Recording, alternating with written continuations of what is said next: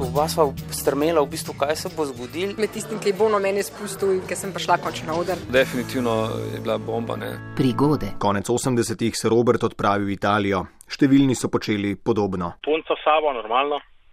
Časti še na lepo torbico, zase ne dve, tri jakne in potem bo treba to prešvercati čez mejo. Z novim usnjem sta se odpravila nazaj proti Sloveniji in v izogib zapletom na meji se domisli naslednjega načrta. Iz Italije proti Avstriji in na to domov čez Ljubel, ker. Na avstrijski meji verjetno ne bodo jugoslovanski takratni cariniki iskali usnjenih jaken, pa ne vem kaj, ampak so iskali bolj kavo, pa praške, pa ne vem, kaj bo še takrat razne čokolade, ne vem, kaj se pa nas ni dobro in se takrat na veliko to švercalo. Ne. Vozi, kmalo tudi po ovinkih proti prelazu, kaže dobro, zaenkrat vse po načrtu, na kar se mu seveda pokvari avto, na klancu pod ljubeljem. To je bilo četova lada, lada riva, limuzina. Začne se nabirati kolona, Robert išče rešitev, hodi do voznikov, ki so obstali za njim, kasneje se oplete avstrijski policist, ki o usnju ne spregovori, predlaga pa vlečno službo. Skratka, precejšnja neprijetnost. Na kar se na klancu najde Sarajevčan, ki prijazno ponudi pomoč, vleko pokvarjenega avtomobila čez ljubel.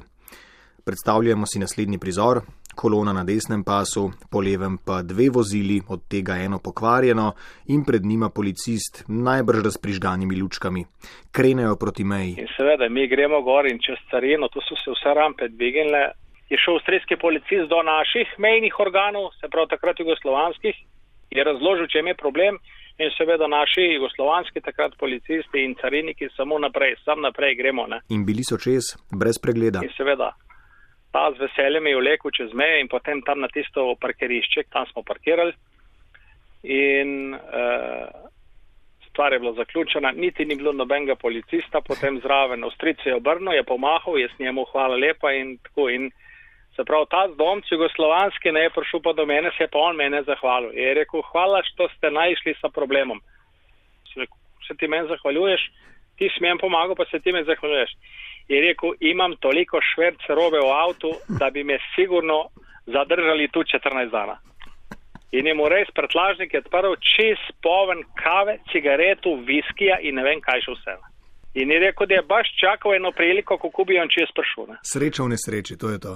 Ma, ja, lahko bi rekel, no, neč kaj tazga kritičnega, ampak zanimivo pa to, uh, ki je v avtu, je pa tako dišalo po usnu, da, ne vem, no, ne bi skrucali nikom, če bi vrata odprl. Sreča v nesreči. Prigode s takšnim, podobnim ali popolnoma drugačnim naslovom, pač pa po vašem podobno nepozabne prigode sprejemam na nec.jemecaf.rtvslo.si oziroma po telefonu, številka je še vedno nič ena 475 2202.